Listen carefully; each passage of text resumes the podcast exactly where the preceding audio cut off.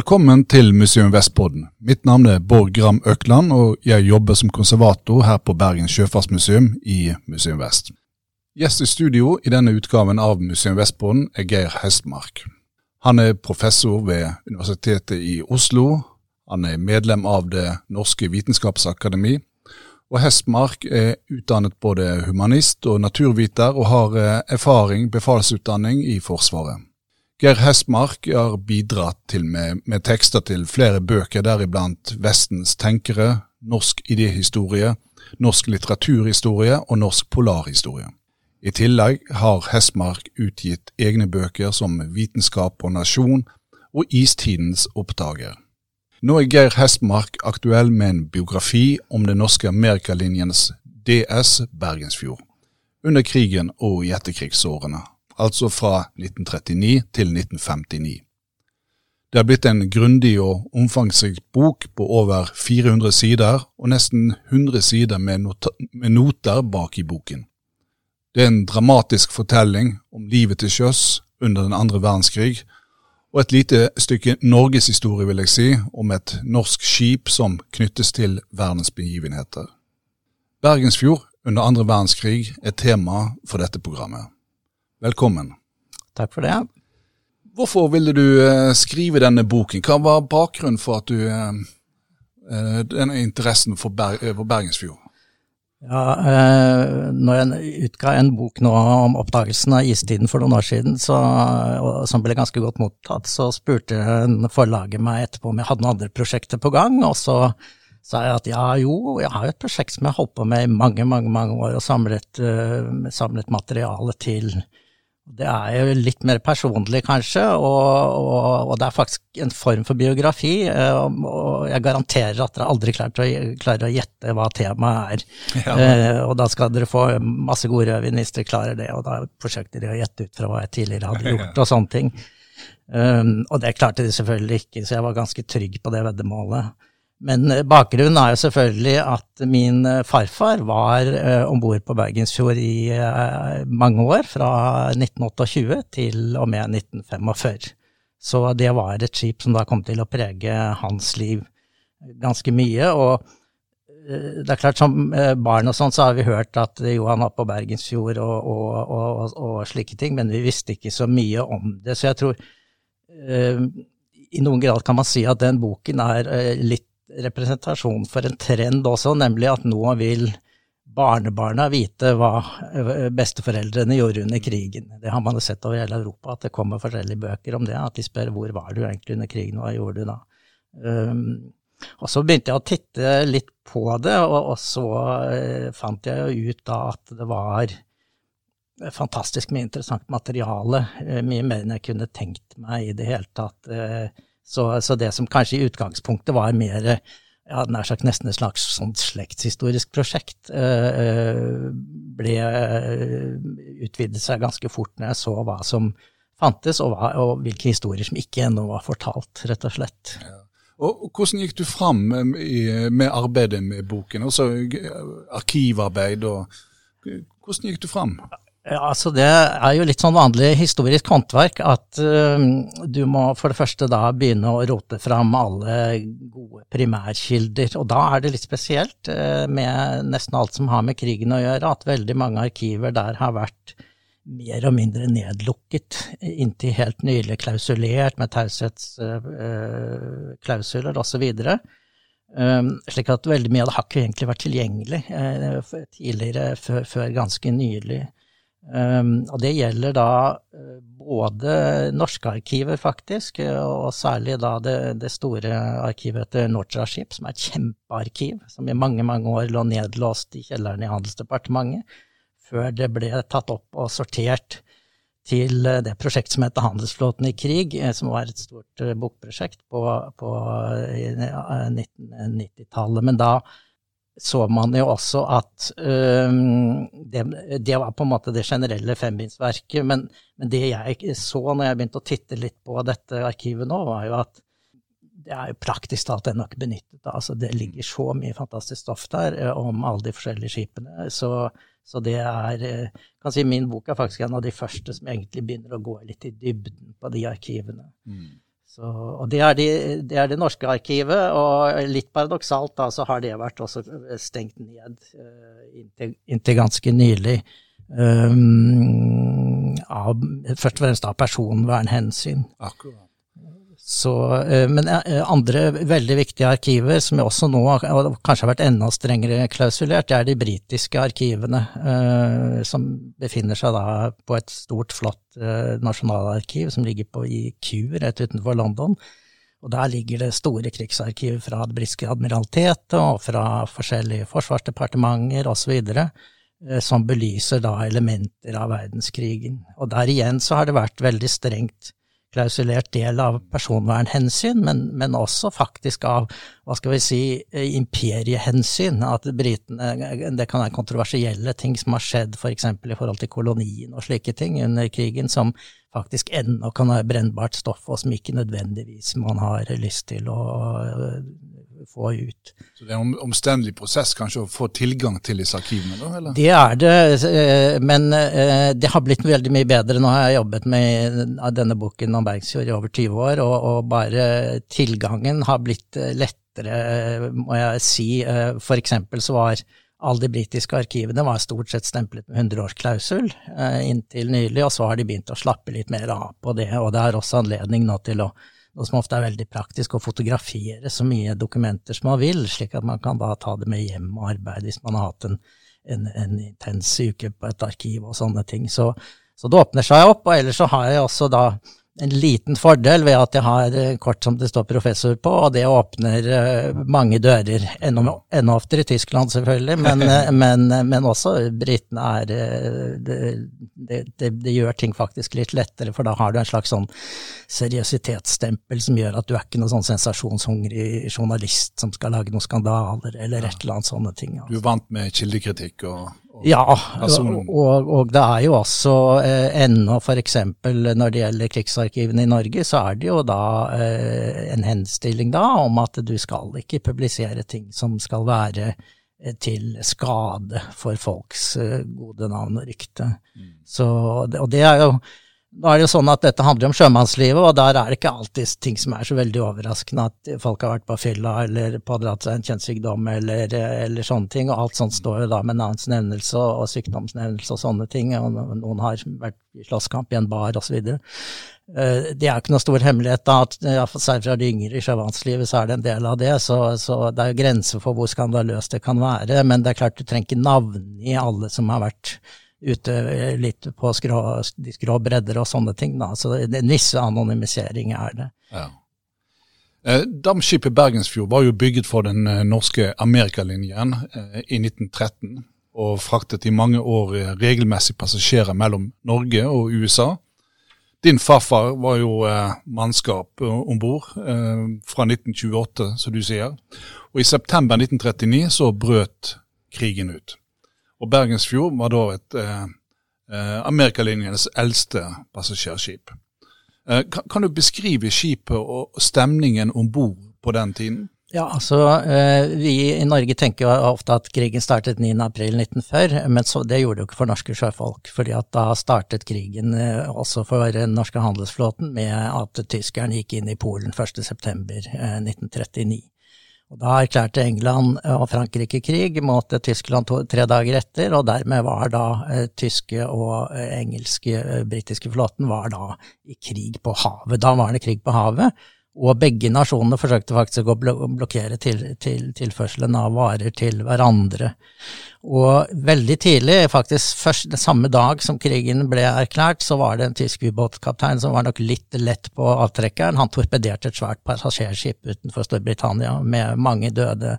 Og det gjorde at den sivile uh, passasjertrafikken ble ganske skremt. For det første så ble det fullstendig stopp fra tyske havner, fordi da de ville bli tatt eh, eventuelt i beslag av britiske skip hvis de ble tatt ut på havet.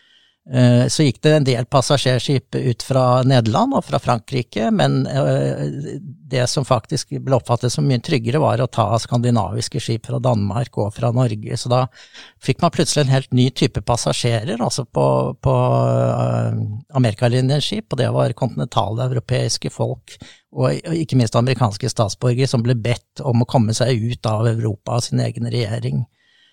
Slik at der har du en periode fra fra september da 39 til april 40, hvor for det første så var det mange norske skip som ble faktisk torpedert, og mange norske sjøfolk som omkom i det intervallet, så for de så var krigen høyst reell. Amerikalinjen så jo også på det. De hadde tre skip i drift, store passasjerskip i drift når krigen begynte, og det var Bergensfjord som var gjeldt, så var det Stavangerfjord, og så var det en helt splitter ny Oslofjord som var et motorskip. Og eh, Oslofjord la det i opplaget i New York, de tok ikke sjansen på at det skulle gå ut på det farlige havet lenger med disse tyske ubåtene overalt. Og Stavangerfjord ble lagt til oppgradering på Akersmekk i Oslo, så da i praksis så var det bare det gamle eldste skipet, eh, Bergensfjord, som gikk. Og en interessant ting med, med, hvem som faktisk kom seg over på det, dette nye internasjonale klientellet, var jo mange tyske og østerrikske jøder som eh, Tyskland var i grunnen bare interessert i å sende de ut, fordi de hadde jo et antisemittisk politisk program. Eh, så de oppmuntret jo på en eh, ganske hardhendt måte jøder til å emigrere. og Eh, det kunne de da ikke gjøre direkte fra Tyskland, men det gjorde de da ut ifra eh, bl.a. norske havner med Bergensfjord. slik at mange av de siste turene med Bergensfjord før 9. april, så, så er det oppi i 10 tyske og østerrikske jøder som emigrerer eh, til USA, da, tryggheten i USA. Så Eh, noen som ikke var jøder, men som også dro den veien, var jo en ganske berømt familie, den eh, familien von Trapp fra Østerrike, som var da den sånn sangerfamilie som er utgangspunkt for denne filmen, Asano Music. De var ikke egentlig på flukt, for de hadde et sangarrangement, eh, engasjement i, i Amerika. Men for dem så endte jo også turen der, fordi at det, når de kom over der, så Eh, fikk de etter hvert oppholdstillatelse, selv om de bare hadde et kortvarig visum først. Og, og, og, og, familien slo seg faktisk ned da i USA permanent. Fra krigsutbruddet i september 1939 til angrepet på Norge i april 1940, så eh, var det vel et hinder i eh, veien for å drive normal transatlantisk passasjerfart? Ja, det var mange hinder, men det, eh, det, største var det som var akkurat det samme som skjedde under første verdenskrig, og det var at britene eh, arrangerte da en blokade som gikk eh, fra Skottland og nordover mot Færøyene, og der ville de kontrollere alle skip som gikk igjennom der, med hva slags type last de hadde, hva slags passasjerer de hadde, om det var tysk spion for eksempel, eller om det var noe som kunne last som kom eksempel fra USA, som kunne videreeksporteres ned til Tyskland og, og bli av militær nytte osv. Så, videre. så uh, britene satte opp en ganske effektiv blokade der, hvor de da stanset eh, flest mulig skip og inspiserte de, og eventuelt tok de inn til uh, en havn, enten på Orknøyene eller andre steder, for å inspisere lasten og Eh, sånne ting. Og da ble det litt sånn som det var under første verdenskrig også, hvor da du hadde Kristianiafjord og Bergensfjord som drev sånn katt og mus-lek med de britiske blokadeskipene. Så, eh, så, det var eh, På en måte så var konflikten større med britene i den perioden enn med, med, med tyskerne, før tyskerne angrep, angrep Norge. Så, eh, ellers så var jo britene også veldig opptatt av at de hadde gjort seg avhengig faktisk av norsk handelsflåte for import av mange varer til Storbritannia, så de var veldig opptatt av å få en avtale med den norske regjering etter at krigen var brutt ut, om å kunne disponere faktisk store deler av den norske handelsflåten, og det var før da 9. april, faktisk. Men, men når selve angrepet kommer, da, altså, hvordan forholdt Bergensfjord seg til, til, til det at Norge 9. april kom i krig? Ja, Det er jo veldig spesielt, fordi at uh, Bergensfjord gikk i vanlig rute, og den gikk da fra, Christi, fra Oslo da, uh, eh, 5. april. Og så gikk den, den vanlige ferden rundt sørlandskysten opp til Bergen, og gikk ut fra Bergen 7. april, og da hadde de underveis spottet en del eh, mystiske tyske lasteskip og sånne ting, som eh, de lurte på egentlig var også noe tankskip og så videre, og hadde notert seg det. Men så da var det da skipet da to dager ute i, i, sjøen eh, fra Bergen, så får de eh, inn fra amerikansk radio faktisk, får de vite at Norge er angrepet og okkupert. Og da var det selvfølgelig helt sjokkert, alle som var om bord. Og så var det spørsmål hva skal man gjøre, skal man snu og gå tilbake? Eh, eh, det var nesten 50 tyskere om bord. Skulle man arrestere de? Plutselig var jo Norge da faktisk i krig med tyskerne. Så fant jo kapteinen fort ut at nesten alle de tyskerne var jøder, så det var jo ikke akkurat de som det hastet med å, å arrestere. Og så ble jo folk både kjemperedde, og, men også da selvfølgelig rasende osv. Så, videre. så det var veldig mange følelser eh, som er beskrevet da blant eh, passasjerer. Og, og, når da skipet Man bestemte seg for det første da for å kjøre, fortsette mot amerikansk havn, mot New York, og når det da kom over der, så var det jo mange intervjuer både med mannskap og passasjerer om bord på skipet, hva hadde opplevd, og hva de hadde følt, uh, osv. Det ble da kalt et skip uten et land. Altså når det kom om bord, uh, det var et stort avisoppslag i, i, New York som kalte det for det. Så, mange avisoppslag, altså mange intervjuer med kapteinen og med, med passasjerene om, om, denne opplevelsen. Så, for det var så å si siste skip ut fra fra Norge. Så der ligger det i media, i pressen på en måte, pressearkiv, så ligger det ganske spennende Ja, da alle de, alle de store New York-avisene har mange interessante oppslag med fotografier og, og intervjuer med mange forskjellige aktører som, som var på, med på den siste ferden. Og så skjedde jo det da at det var en stor grad av uvisshet, og, og eh, det var, krigen i Norge fortsatte jo eh, lenge, og regjeringen var på flukt. Og øh, da eh, fikk man ikke noen ordre gjennom fra Amerikalinjen i Oslo hva man egentlig skulle gjøre, så foreløpig ble man bare liggende standby i, i New York og vente. Ja, og I, i oktober 1940 så kom det jo melding fra Notraship om at Bergensfjord skulle brukes militært. Da var det jo nødvendig å, å gjøre kan du si, skipet klar til krig. Hva, hva ligger det i dette? Hva var det som måtte på en måte eh, settes i gang? Ja, for det, først hadde jo det da skjedd 22.4 allerede mens regjeringen var på flukt nordover, at den hadde rekvirert hele den norske handelsflåten og puttet den inn i et statsrederi, som da etter hvert ble kalt for Nortraship, og som ble etablert på en imponerende rask måte. Og så ble da store deler av det stilt til disposisjon for de alliertes krig. Og særlig da Storbritannia eh, fikk da kontrollen over veldig mange av de skipene i avtale med norske myndigheter.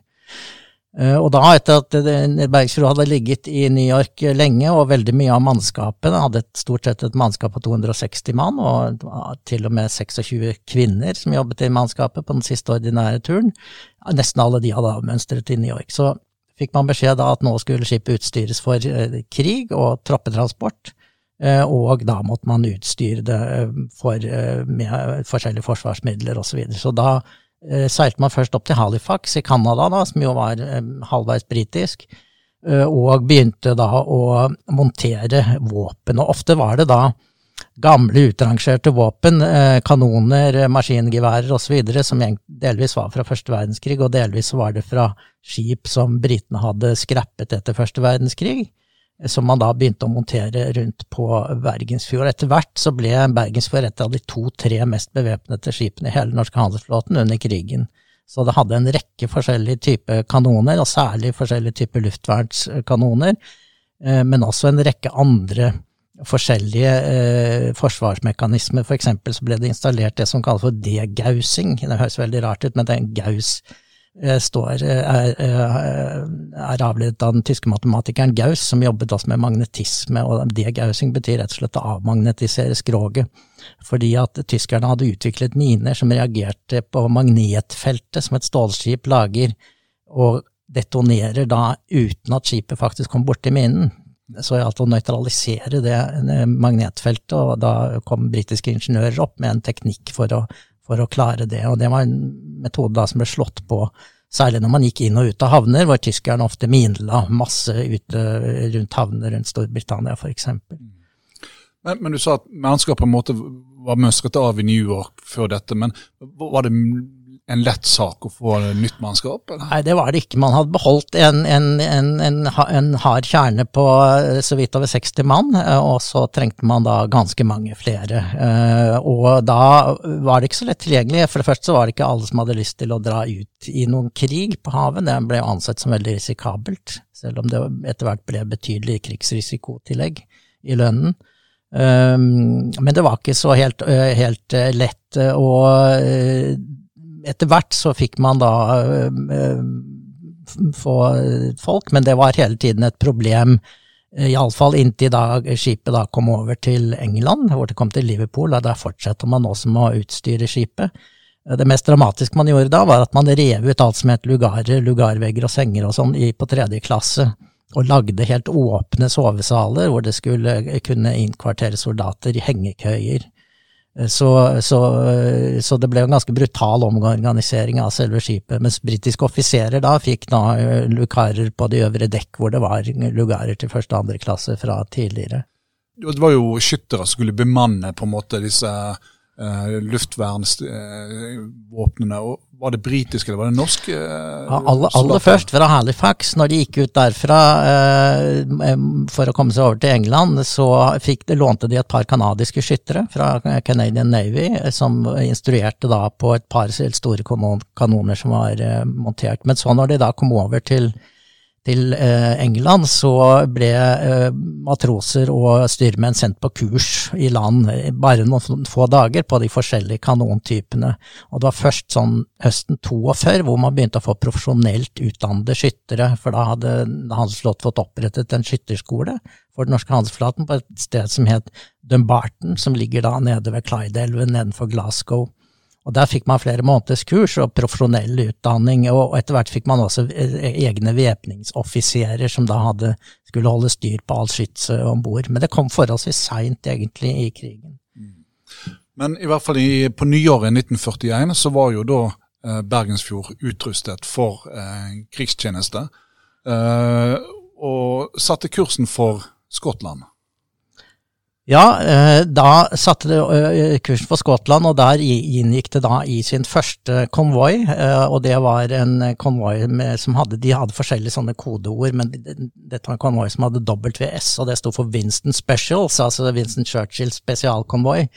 Og det var en stor rekke med konvoier som gikk veldig lang tur, nemlig rundt hele Afrika og opp til Suez i Egypt, eh, fordi at eh, italienerne hadde jo da sperret mye av Middelhavet, og tyskerne også for så vidt, slik at man kunne ikke lenger bringe eh, tropper og sånn gjennom der. Og, og, så hadde man jo det på en måte litt sånn perifere krigsteatret som var da ørkenkrigen, og hvor faktisk i Bergensfjord ble satt inn ganske mye med å frakte folk dit, og dette var, disse VS-konvoiene var jo eh, kjempekonvoier, altså det var mellom 30 og 100 000 eh, mann soldater som ble fraktet på mange, mange skip, eh, stort sett gamle passasjerskip som var da bygd om, og omgitt av en, en stor mengde krigsfartøyer, alt fra de små destroyere opp til svære slagskip, hangarskip osv som da fulgte de. Så, så, de var veldig vanskelig å angripe, og de gikk veldig langt ut de gikk ut i Midtatlanteren før de styrte sørover,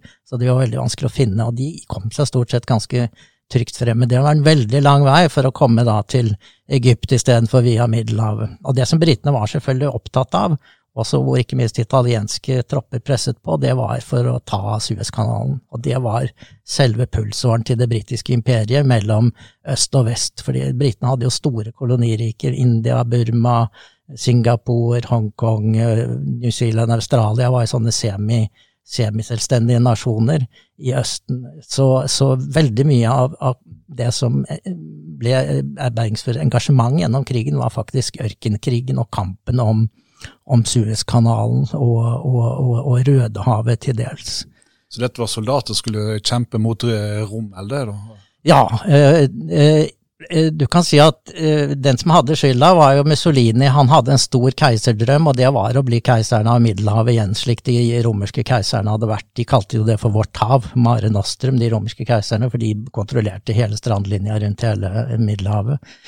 Og eh, Mussolini eh, startet da et imperialistisk felttog eh, ved å angripe da først Albania og så eh, Jugoslavia, og jobbe seg bortover kysten, og så Hellas. Og samtidig så hadde de jo da, før Mussolini kom til makten, hadde Italia tatt Libya som koloni, og også deler av Somaliland nede ved innløpet til Rødehavet. Så de presset ganske på, men så begynte jo etter hvert britene å slå tilbake, og da var det behov for hjelp. Og da trådte Hitler, eh, antagelig med en fantastisk strategisk tabbe, til hjelp for sin venn da i sør, Mussolini, ved å sende tyske soldater ned til denne ørkenkrigen som han jo slett ikke hadde tenkt å engasjere seg i det hele tatt. Og så ble det i praksis da dette tyske Afrikakorpset, som med Rommel eh, som pansergeneralen, som da kjempet veldig mye av den krigen. Og på, på du beskriver jo enorme konvoier med store antall uh, britiske eller allierte soldater. Og, og Bare på Bergensfjord, hvor, mange soldater kunne det skipet alene frakte? Ja, Du kan si at uh, for det første, veldig mange av de troppene som ble fraktet, var um, skotske infanteribataljoner. Uh, Britene rekrutterte veldig mye skotske soldater, akkurat som franskmennene pleide å rekruttere fra Korsika. Um, og uh, så gjerne iallfall minst et par skotske infanteribataljoner av gangen. Og da de var litt grann mindre enn de, enn de norske, så de kunne være størrelse 700-900 mann stykket. Um, men på all, noen av de aller de turene hvor det var aller flest om bord på, på Bergensfjord, og da, hvis vi da tar med mannskapet også i regningen, så var det så vidt over 3000 mann om bord. Og det er på et skip da som opprinnelig var bygd for ca. litt over 1000 passasjerer, og med mannskap på 260 mann omtrent. Så det var nesten, to, nesten tre ganger så mange som det var. Og noen av disse andre store franske passasjerskipene og sånne ting, som var større enn Bergensfjord, de hadde oppi 6000 mann, soldater om bord. Så det må ha vært uh, utrolig tett. Store menneskemengder, kan du si, på, på en sånn konvoi som tok uh, kanskje litt lengre tid enn vanlig konvoi? Ja, eh, nå var det sånn at eh, Bergensfjord hadde en fordel, og det var at det var et ganske rasktgående skip i forhold til mange andre. Så det man ser ofte på disse betegnelsene på konvoiene som Bergensfjord var i, at det står en F bakerst i kodenavnet, og det står for fast. Og det var konvoier som stort sett gikk over tolv knop. Det var raskt på den tiden, da. Det var andre, andre konvoier med lasteskip og sånne ting som var nede i syv-åtte knop. Og de var selvfølgelig et mye lettere offer da for ubåter og, og, og, og bombefly, og for den saks skyld.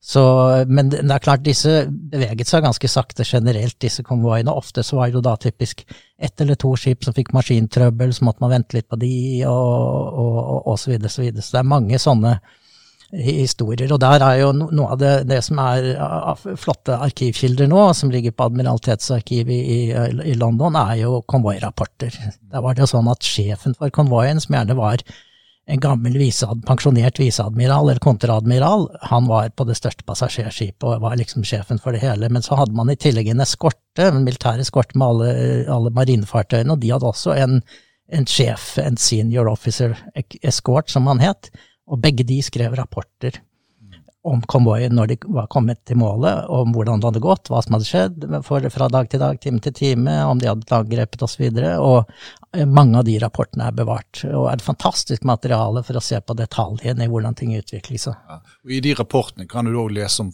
var det angrep f.eks. mot de konvoiene som Bergensfjord var med? Ja, eh, noen av de var det.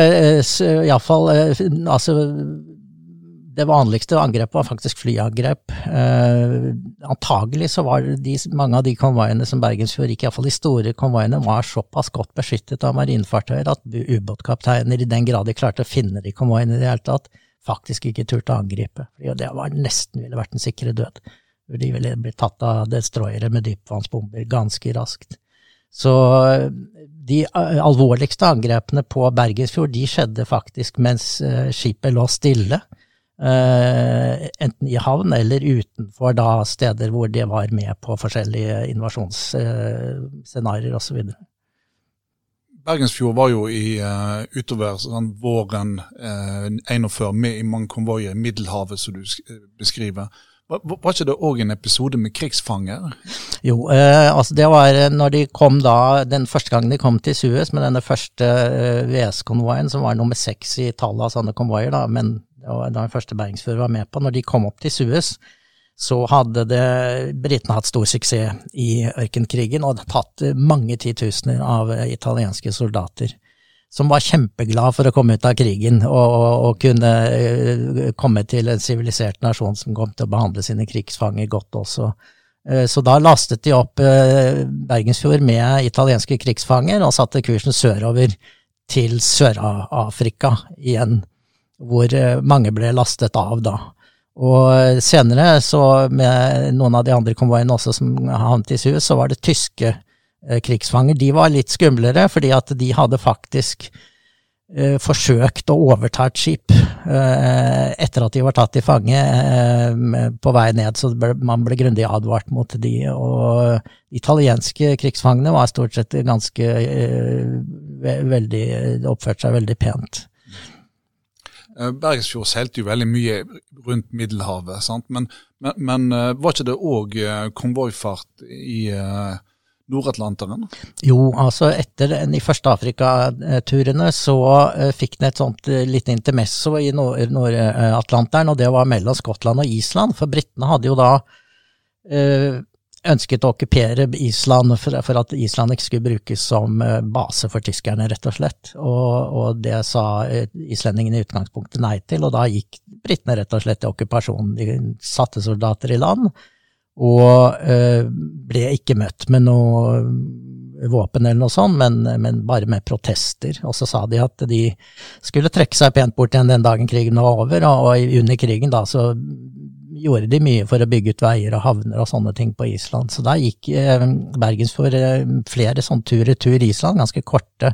Og de krysset jo den aller verste konvoiruten, nemlig den som gikk da tvers over Nord-Atlanteren Ehm, mellom uh, Canada og f.eks. Murmansk, eller Canada og Storbritannia. Så de krysset på en måte 90 grader tvers over den når de var opp og ned til Island. Så det var veldig skumle farvann, og der ble det jo spottet uh, ubåter veldig ofte.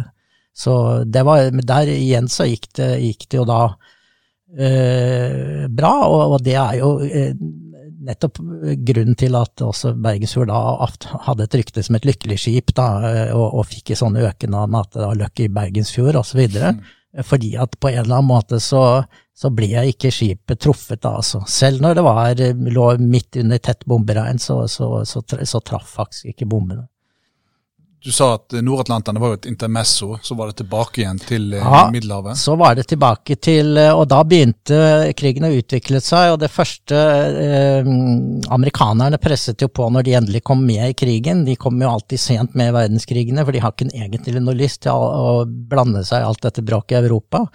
Eh, men så ble det jo angrepet av Japan eh, i Stillehavet, og så var jo da Hitler igjen gjorde han en taktisk tabbe, og han erklærte da Amerika krig også. Og der var plutselig var Amerika med også da i, i det europeiske. Og det første man da tok eh, satset på, var å forsøke å få eh, franske tropper over i, på sin side. Det var nemlig sånn at etter at Frankrike var okkupert av tyskerne, så ble det sånn halvdel av, av Frankrike som fikk lov å passe seg selv. Og så hadde Frankrike store koloniriker i Nord-Afrika, altså Marokko, Tunis, Algerie, typisk. Eh, og der fikk de lov å ha flere hundre tusen soldater stående med våpen eh, uten å avvæpne de. Eh, så det de allierte da fant på først, at hvis vi nå okkuperer den delen, så vil vi begynne å få kontrollen på Middelhavet igjen. Eh, så de da eh, gjennomførte en, en, eh, en langgang der i, som ble kalt for torch, altså fakkelen. Og poenget var å gi Rommel krig på to fronter, for han hadde jo da krig borte mot grensen Libya-Egypt. Og hvis man da kunne komme inn på den franske siden også, så uh, kunne man da eh, angripe derfra. Det var første gang amerikanske tropper egentlig kom med i den europeiske delen av krigen. Og der var uh, Vergensfjord et av skipene som var da ganske tidlig på uh, troppekonvoier dit, og gikk til den, den havnen som var nærmest fienden, da, i Alger. Og ble ut, utsatt for veldig grundig bombardement uten å bli truffet altså på havnen i Alger. Var det amerikanske tropper òg da som ble frakta med Bergensfjord, eller? Eh, nei, det var stort sett britiske tropper. Eh, så de amerikanske, mange av de kom faktisk direkte fra USA til, til den ørkenkrigen i de franske besittelsene. Eh, og noen kom da via også Storbritannia. Men Bergensfjord fraktet stort sett eh, britiske tropper av, av litt forskjellige typer dit i, i boken så har, skriver du jo utførlig eh, konvoiene. og eh, det er jo på en måte, Vi setter jo på en måte Bergensfjord her inn i på en måte eh, internasjonale eh, storhendinger, på en måte, kan du si. da, men, men, men, hvordan var det om bord på Bergensfjord? altså eh, Mer det der hverdagslivet. altså eh, Fins det beskrivelser om det? også sånn, Jeg tenker på dødsfall, sykdom. eh, sikkerhet til sjøs og sånt? Har du kommet Ja, alt, alt sånt finnes veldig grundig dokumentert i Nortraship-arkivet. Der finnes det for det første eh, dekksdagbøker som følger skipet dag for dag. Det finnes maskindagbøker som følger maskin dag for dag. Det finnes masse korrespondanse om alt som heter ulykker, sykdommer, eh, lønnsforhold, altså lønnsforhandlinger eh, var jo noe av det mest normale de holdt på med under krigen. Altså det var liksom sånn Hvert år så var det lønnsforhandlinger om krigsrisikotillegg osv. midt oppi all galskapen. Og de forskjellige yrkesgruppene om bord ville ha da forskjellige lønnsforhandlinger. Ikke kan Kokkene ville ha sin, uh, maskinistene ville ha sin. Maskinistene var jo ekstra ut, utsatt da, fordi at de sto stort sett under vannlinja og visste ikke hva som foregikk utenfor. Og var nesten garantert å bli drept hvis det kom en torpedo. Så de skrudde opp uh, lønningene ganske godt under krigen. Um, og, uh, noe, uh, og, det var altså Skipet ble egentlig operert som nesten et normalt passasjerskip med et norsk mannskap på 260 mann, som var det samme som de hadde hatt før krigen, inkludert fem bartendere. som var, gjorde stor lykke hos de britiske offiserene, selvfølgelig. og i det hele tatt så drev de det normalt, og så hadde de da en, en, en slags mellomavdeling, og det var 20, cirka mellom 15 og 20 britiske offiserer som var en sånn buffersone mellom mannskapet på, på eh, Bergensfjord, og som var en permanentstab som fulgte skipet for å holde orden på alle de forskjellige troppene som kom om bord eh, etter hvert.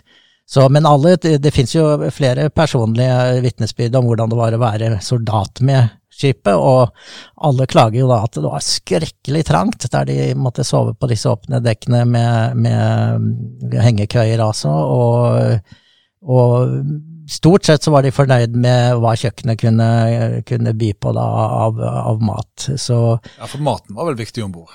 Veldig viktig, selvfølgelig. Og, og, den, og da, da, må du huske på at dette var jo et skip som hadde veldig høy standard når det var et sivilt skip. Uh, det, dette var liksom uh, toppklassen av norsk handelsflåte, uh, og de var ikke noe dårligere under krigen, så de hadde tilgang på gode forsyninger.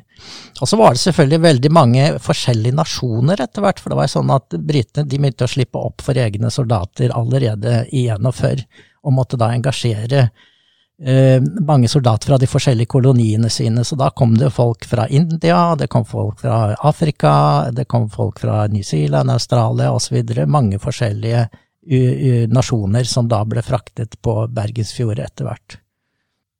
Vi kan gå litt tilbake til de store krigsbegivenhetene. og eh, Da de allierte hadde vunnet ørkenkrigen, så fikk Bergensfjord betydning på Sicilia ja. sommeren 1943. Eh, kan du fortelle ja, Det er så å si den glemte invasjonen, da, ett år før den store invasjonen i Normandie, men invasjonen på Sicilia var nesten like stor. Altså, det var en enorm mengde, nesten 200 000 mann fra allierte og uh, nesten 2000 skip, som da gikk til angrep på uh, Sicilia. Og Poenget med det var å begynne å starte å nøste opp uh, Europa fra bunnen av, som Churchill sa, the soft underbelly of Europe, altså det myke Eh, midjen, så å si, eh, fra eh, Og det som skjedde da, var jo at Bergensfjord ble sendt ganske helt i front i første, første angrepslinje i en konvoi der. Og landsatte et veldig rikt utvalg. Det var faktisk noe av det spennende å endelig finne ut for det har jo, øh, hvem var det egentlig Bergensfjord fraktet? For da for eksempel sagt at det var kommandosoldater osv. osv. Um, og etter hvert, og etter masse, masse, masse letning, så klarte jeg å finne en, en, en ganske usannsynlig kilde som faktisk viste hvem var det øh, Bergensfjord fraktet. Og det var altså en kilde i et appendiks i øh, et, et fjernt appendiks i de store um, angrepsplanene som fortalte hvilke avdelinger som skulle ha utdelt hvilke kart. Mm. Plutselig så står det en hel side med Bergensfjord, listet opp alle avdelingene eh, om bord på Bergensfjord med antall mann, antall kart. og plutselig var hele gåten løst, og det hadde jeg lett etter mange ganger. Jeg hadde vært i London flere ganger for å forsøke å knekke liksom den, Og jeg visste at det eh, altså er, det, er det noe vi virkelig må ha på bordet nå, skal vi skrive en ordentlig bok om Bergensfjord, så må det være den, fordi at hva skjedde da? Jo, i løpet av bare få uker så klarte de allierte å okkupere Sicilia, og hva skjedde da? Jo, det fascistenes store råd i Italia avsatte Mussolini i løpet av noen uker etterpå, og Italia kapitulerte helt. Altså, dette er sommeren 1943. Da gir Italia seg i den store verdenskrigen, og da står det masse tyske styrker i Italia som har hjulpet Italia med å forsvare seg. De blir plutselig okkupanter av Italia. Eh, til stor forvirring da for den italienske hæren. Og det kanskje aller viktigste som skjer under den kapitulasjonen, det er at den italienske flåten, som var enorm og med masse moderne slagskip som Mussolini hadde bygd opp, de kom seg ut av italienske havner og satte kursen mot Malta og mot Alexandria, til britiske havner, rett for nesa på tyskerne, og kom seg ut slik at plutselig fikk de alliert kontroll over hele den italienske middelhavsflåten, som hadde vært en stor, stor trussel og, og, og, og, som sagt så, så felte, altså, felte de Mussolini, så i bare i løpet av få uker. Så, og, kapitulasjonsavtalen ble faktisk skrevet, uh, skrevet, under rett innenfor den stranden hvor Bergensfjord hadde gått inn og satt i land, uh, satt i land soldater. Så i dette store her, disse store krigshandlingene her, så spiller til og med Bergensfjorden rolle her? Der spiller Bergensfjorden en veldig viktig rolle, og, og, en fantastisk ting som ingen har oppdaget før, det er at det faktisk finnes en film av Bergensfjord under angrep rett utenfor Italiakysten. Helt utrolig. Sier, de sier ikke på filmen, det er en britisk filmavis, de sier ikke hvilket skip det er vi ser under bombeangrep, og du ser altså bombene spruter opp på hver side av Bergen, Bergensfjorda. altså som ligger for anker, men med full damp eh, på. Eh, og, og igjen så har de altså hellet på sin side. altså De blir ikke truffet, eh, og kommer seg trygt, trygt hjem fra Sicilia. To turer opp og ned til Sicilia ble det. Og Bergensfjord var jo i kontinuerlig drift også gjennom krigen fra 1941 og til 1943. Og etter Sicilia, og så vi kom inn i 1944, så var det jo vel behov for reparasjoner og verftsopphold? Ja, du kan si at det som En ting var at mannskapet hadde slitt eh, mye. Det, der oppdaget jeg for så vidt også noe nytt, og det var at det var store utskiftninger av mannskap gjennom hele krigen. Slik at jeg har en liste på de som faktisk var om bord under krigen, og den listen teller over 1100 navn. Eh, så det betyr at det har vært veldig stor rotasjon i folk. Men eh, ikke minst maskinen hadde vært veldig tøft, for dette var maskiner som var bygd for sånne åttedagerscruise att og fram over Atlanteren, og så skulle de da kunne vedlikeholdes. Men her var det snakk om da å være i sjøen i måned etter måned og kjøre kontinuerlig, slik at hele faktisk akselen på den ene maskinen var, var godt skeiv. Eh, og de hadde store problemer med det. Så de, i, i 1944 så måtte de da ligge lenge i New York, og etterpå også lenge i Glasgow for å eh, bygge om rett og slett. Eh, den ene maskinen måtte nesten demonteres og bygges på nytt igjen. Så 44 så lå skipet i veldig stor grad i hvile. Ja. Men våren 45 så var Bergensfjord i, i rute igjen, skulle jeg si. Altså med å frakte sovjetiske krigsfanger. Ja, det er jo kanskje den, den, den, det som mange oppfatter som mest kontroversielle og triste historien i Bergensfjord under krigen. For det var jo sånn at ettersom de allierte da eh, gjorde eh, framgang i Europa fra etter invasjonen i Normandie, så støtte de ofte blant de tyske soldatene på russiske eh, statsborgere i tysk uniform. Eh, og det var da dels eh, russere da, som hadde meldt seg frivillig til tysk tjeneste. Eh, og dels så støtte de på tvangsarbeidere, russiske folk som var tatt til fange av tyskerne og satt i tvangsarbeid. Eh, det gjorde jo, Vi husker jo hvordan de gjorde det her i Norge, f.eks. Det var 50 000 russere som ble satt til å bygge Nordlandsbanen osv. her. Mm. Um, og så gjorde de allierte for at eh, Stalin skulle frigi britiske eh, fanger som eh, de dukket opp i tyske fangeleirer på østfronten mens de avanserte der. Raskt så inngikk britene en veldig kontroversiell avtale med Stalin at alle russiske statsborgere, uansett hva slags bakgrunn de hadde, som ble funnet under det allierte felttoget, de skulle returneres til Sovjet, uansett om de ville det eller ikke. Eh, og da ble Bergesfjord med på tre slike eh, transporter. Og det var altså ganske forskjellige typer, disse russerne. Noen var da som hadde gått i tysk tjeneste, noen var tvangsarbeidere, og, og, og litt forskjellige. Og, og, de fryktet jo alle en, en dårlig eh, skjebne når de kom til Russland, og, det er veldig forskjellige tall der på hvor mange som da umiddelbart ble skutt, hvor mange som ble sendt på tvangsarbeid i mange, mange år Um, og så videre. Og, og, og dette russiske hemmelige politi de hadde altså en egen sorts sorteringskontor i Alexandria i Egypt, hvor man gikk videre derfra før man sendte de videre opp til Odessa da, i Svartehavet, hvor de gikk i land.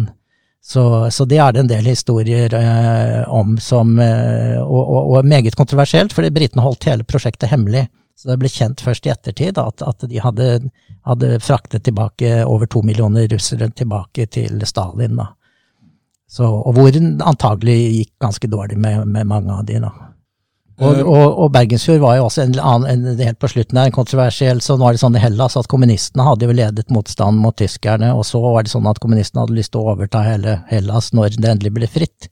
Men det slo jo da britene ned på, for de ønsket ikke noe kommunistisk eh, Hellas.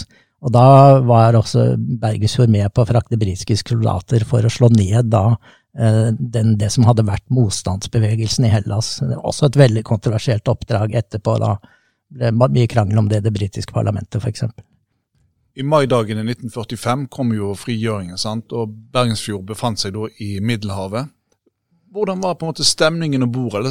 Hvordan ble frigjøringen markert? Ja, da lå skipet, 8. mai så lå skipet i Napoli, eh, og da var det jo klokkeklang over hele Europa og, og stor jubel. Eh, men eh, Bergensfjord var jo i tjeneste, så det var, var, veldig, var da til og med sånn at det første ordren som gikk ut, var at de fikk heller feste dagen etter. Og, men det ble jo forandret da i løpet av noen timer. Men så eh, var jo da, eh, så det var forholdsvis moderat eh, fest. Så var det jo stadig sånn at Bergensfjord da hadde oppdrag med å frakte soldater hit og dit. Um, men til slutt, men så fikk de da beskjed om at de skulle iallfall, skipet skulle innom Norge så fort som mulig. Og da kom det da første gang til Norge helt i begynnelsen av juni. Uh, veldig raskt og veldig uventet og, og uvarslet. Uh, og så kom det da uh, litt lenger ut i juni, hvor det da var en stor mottakelse med kong Haakon og, og middag, stor middag om bord og, og parade osv. Og, så og kongen hilste personlig på alle mannskapene på Amerika Amerikabrygga. Uh, og så, videre. så det var egentlig Det var to andre skip som også da kom inn av, de, av handelsflåten Eh, så det var den egentlig. Og du vet, da var det litt sånn antiklimaks, for da hadde jo frigjøringen i Norge vart veldig lenge. Eh, så, så, det har vært liksom litt sånn historier om at nei, krigsseileren de kom hjem til ingenting, liksom. Men det er ikke helt riktig, altså, for de ble faktisk ganske honorært mottatt av kongen på, på brygga. altså, og, og det ble holdt taler, og det var innslag i, i eh, filmrevyen på kinoene osv. Så, videre, så så helt hadde man ikke glemt de heller. Så, men det er klart at da hadde det vært fest i Norge i, i over en måned eh, allerede, så eh. Og så ble jo da da var jo verden full av soldater på feil sted, ikke sant, så alle skulle jo hjem, og, og, og så britene ba pent og tynt om at de kunne få låne skipet et helt år til, og det fikk de da av eh, både av Nortra-skipa og Amerikalinjen, mot at de økte leien, da. Um, og da fraktet skipet britiske soldater rundt omkring på mange forskjellige steder, inkludert India f.eks., uh, og, og, og så videre. Og da var jo skipet i bruk på en måte fram til 1946. Så var det kanskje ikke behov for skipet lenger hos det norske Merkelinje? Nei, altså dette var jo et kjempegammelt skip. De hadde jo egentlig, de hadde egentlig eh, snakket om å selge det allerede på slutten av 30-tallet, hvor det var litt dårlige eh, tider. Eh, så, og det var jo et totalt nedrent skip. altså Det var jo, sant, det var jo nesten bare skall av stål som de britene kunne levere tilbake. Men så hadde jo de skrevet inn på en kontrakt da, før krigen om at de skulle levere det tilbake sånn som det var når de mottok det i 1940. Um, så var det spørsmål da om uh, de kunne gjøre det, og det som skjedde da, var at de hadde problemer med å få et verft til å gjøre det, og så var det snakk om at kanskje de kunne til slutt fant ut at det var et italiensk verft i Genova som kanskje kunne ta jobben. Og så var det spørsmål da om Amerikalin egentlig hadde så lyst til å få det tilbake uansett. Uh, så da fikk de et tilbud å, å, av en person som knapt hadde sett skipet. Uh, som de da slo til på. For det første så fikk de da en god gevinst av salget der, og i tillegg så fikk de en betydelig skadeserstatning fra, fra britene. Men det, det, som vi også har glemt kanskje litt i Norge, det er at selv om Storbritannia var med på å vinne krigen, som jo ærlig talt ble vunnet av Sovjetunionen og USA, så øh, var krigen totalt ruinerende for Storbritannia. Altså, Storbritannia var i realiteten bankerott så det, uh, etter krigen, og, og ikke sant, koloniimperiet og sånne ting gikk jo veldig fort i oppløsning da, etter krigen. India ute ikke sant, i 47 og så videre. Så, um, så, så, noe av dette problemet med Bergensfjord i forhold til britene Nordmenn mente at de kanskje var litt utakknemlige.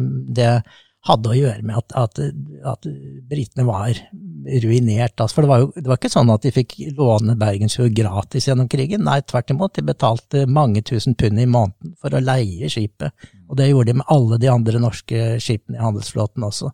Så britene hadde enorme utgifter på, på krigen sin. Men, men skipet, altså Bergensfjord, ble jo solgt, da. Og skifta navn til uh, Argentina. Ja, og det er et kjempeparadoks, for hvem var det da som ble de nye passasjerene? Og det ble italienske fascister som ville ha en ny, ny eh, fremtid i Argentina, ikke sant, Sør-Amerika, Sør og, og, og, og, dels nazistiske krigsforbrytere som reiste under hemmelig navn osv. Så, videre. så jeg har laget et lite kapittel om det òg. Eh, der er det mange historier som er om nazigull og mange forskjellige ting som jeg har forsøkt å nøste litt opp i. Um, Argentina var jo et av verdens rikeste land eh, rett etter krigen. Det hadde ikke vært med i krigen og var fantastisk rikt på jordbruksprodukter, ikke minst. Eh, så det var et veldig attraktivt sted å dra fra et helt totalt nedbombet eh, Europa, ikke sant. Så, øh, og da øh, gikk det der noen år, men så begynte det å gå dårlig etter hvert i Argentina også. Begynte å komme nedgangstider der, og emigrantfarten der øh, ble mindre og mindre. slik at etter hvert så ble nesten Bergensfjord et slags sånn trampskip som gikk rundt til forskjellige øyer i, i Karibiske hav osv. Der, hvor det var frakt og, og passasjerer å hente. Mm. Men så fikk de da et tilbud av dette, dette um, selskapet, eh, som var et kombinert svensk-kroatisk-italiensk selskap, som, som, da hadde driftet skipet. De fikk et, eh, et, tilbud fra den nye staten Israel om å overta skipet for et, et, et godt beløp. Og og det slo de til på, og da fra 53 så ble da Bergensfjord omdøpt til Jerusalem, og ble da flaggskipet faktisk i det, den veldig ferske staten Israel, som var opprettet i april, april 48, eh, dens handelsflåte. Og det var et mer og mindre statsdrevet rederi som het SIM, eh, Israel Navigation Company, som da overtok det. Mm. Og så var det jo der også Det het jo Jerusalem i ganske mange år, i 1950-årene.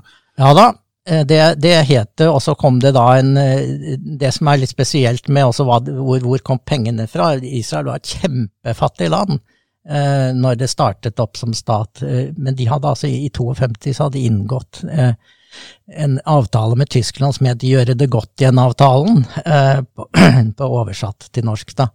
Hvor tyskerne skulle komme en kjempediger krigserstatning til Israel.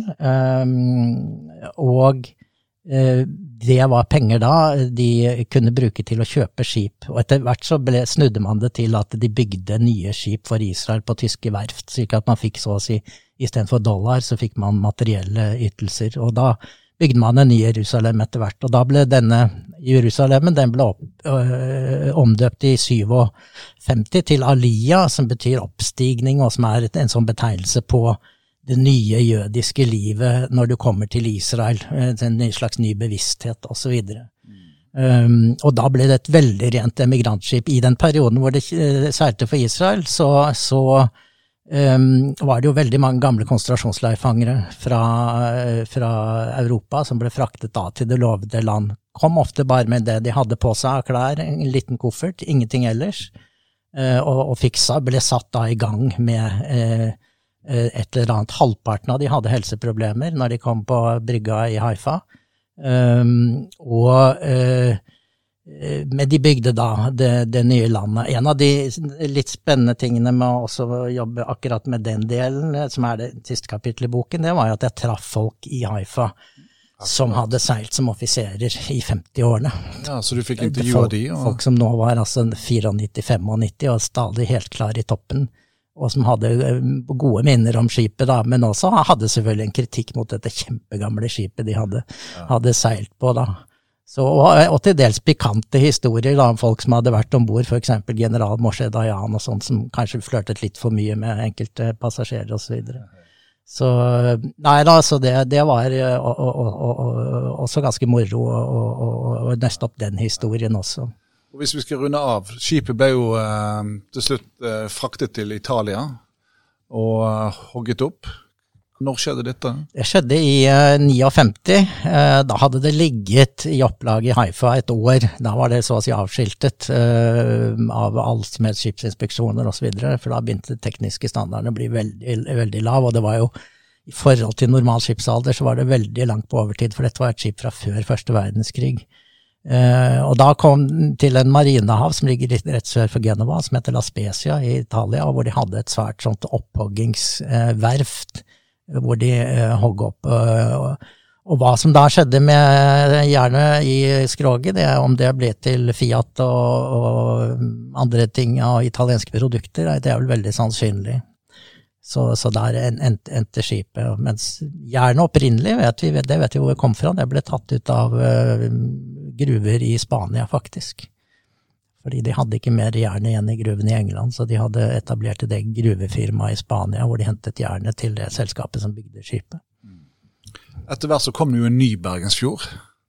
Uh, det, du kan si at uh, det er jo flere skip som etter hvert het, har hett Bergensfjord, og, og, det var jo også noe som, som eh, Amerikaline tenkte på når de solgte gamle Bergensfjord etter krigen, at de heller ville satse på nybygg Eh, så det har jo blitt etter hvert flere skip som da, som da heter Bergensfjord, og, og, også flere som har hett uh, Oslofjord, f.eks.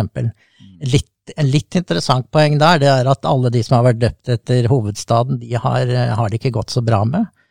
Uh, første Kristianiafjord gikk jo på land allerede i 1917, med en meget ubalansert kaptein. Oslofjord, splitter nye motorskipet da, som, som, var ferdig i 38, det gikk på en mine så fort det kom over til England i, i 1940. En tysk mine utenfor Newcastle. Så, mens disse bergensskipene har hatt, hatt større hell med seg, tydelig, tydeligvis. Tusen takk til deg, Geir Hestmark.